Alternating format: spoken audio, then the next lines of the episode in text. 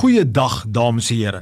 My naam is Kobus Tron en u is ingeskakel by die program Meer as oorwinnaars. Ja, met my hele wese glo ek daarin dat die Here God sy kinders wil help om meer as 'n oorwinnaar te wees, te word en te bly in elke area van ons lewe. Vandag het ek weer eens 'n boodskap wat ek glo die Here Jesus op my hart gelê het deur sy wonderlike Heilige Gees om aan u oor te dra. Daar's 'n dringendheid in my hart om hierdie boodskap deur te bring in hierdie volgende 4 sessies en hierdie reeks of reeksie se naam is veg vir jou drome deel 1. Ek glo dat Jesus vir jou wil sê vandag dat jy moet opstaan en veg vir jou drome. Dat jy moenie gaan lê met die houe, die teenspoede, die teenslaa wat gekom het nie, maar dat dat die Here van jou verlang om op te staan en te veg vir die drome wat hy op jou hart gelê het om te bereik. Maar ek glo ook hy sê dat jy nie op 'n vleeslike wêreldse manier moet veg vir jou drome nie, maar op die Here se koninkrykswyse, die wyse wat Jesus kom demonstreer het. Maar die Here sê, veg vir jou drome. Moenie gaan lê nie. Moenie opgee nie. Moenie probeer uitsny en afsny nie.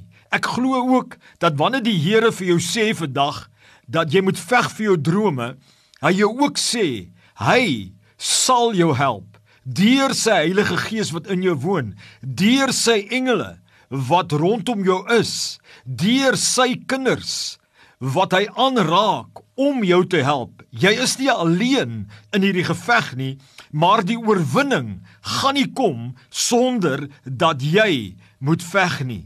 As ek praat van veg vir jou drome, dan bedoel ek daardie Godgegewe aspirasies, doelwitte missie, assignments, opdragte wat die Here God vir jou gegee het in die verskillende areas van jou lewe. 'n Aspirasie rondom jou geestelike lewe, jou verhouding met God, rondom jou roeping, rondom jou huwelik, rondom jou ouerskap met jou kinders. Miskien het jy 'n fisiese probleem wat jy moet veg en jy het aspirasie om gesond te raak dan, finansiële tekort, materialistiese drome, ontspanningsdrome wat die Here op jou hart gelê het, 'n goddelike begeerte dalk. Ek ervaar net dat die Here die hele tyd deur my gees sê, veg vir jou drome.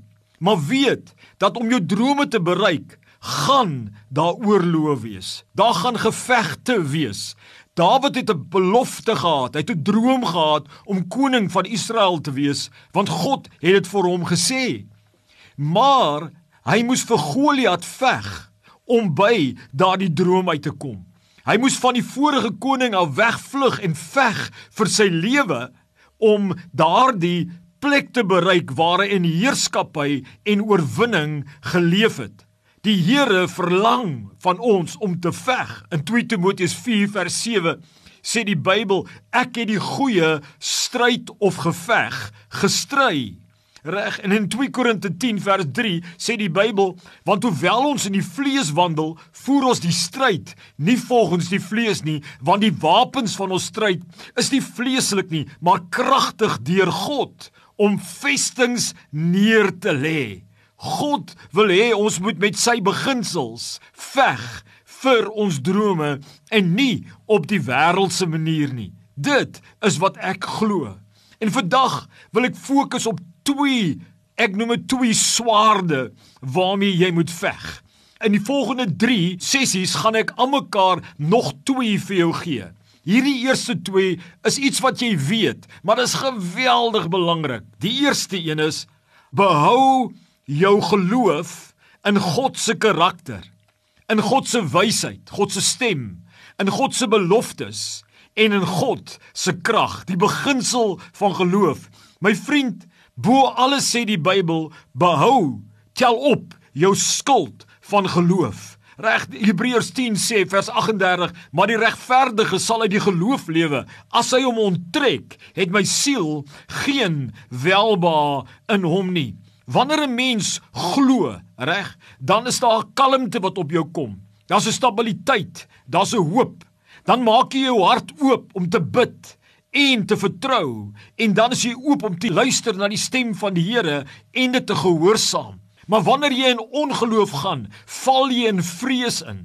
Jy val in twyfel in. Jy hou op bid. Daarom is die vyand altyd agter jou geloof aan, want as hy jou geloof het in God en daar 'n twyfel in gekom wat jy toegelaat het, dan weet hy, gaan jy nie meer bid nie. Hy weet jy gaan nie meer belangstel om te hoor wat die Here sê nie.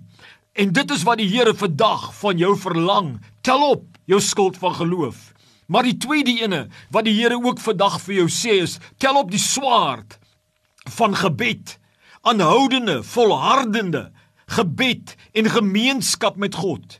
Moenie die onderlinge byeenkomste van die gelowiges mis nie.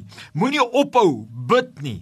Dis 'n kragtige wapen wat die Here vir ons gegee het. In Jakobus 5:16 sê die Bybel, die vurige gebed van die regverdige het groot krag en die Here het dit so gemaak dat wanneer ons tyd maak met die Here en ons bid, kom daar 'n kalmte weer oor ons, 'n stabiliteit en 'n krag en dit wek op geloof en dit wek op hoop en liefde word in jou hart uitgeblaas.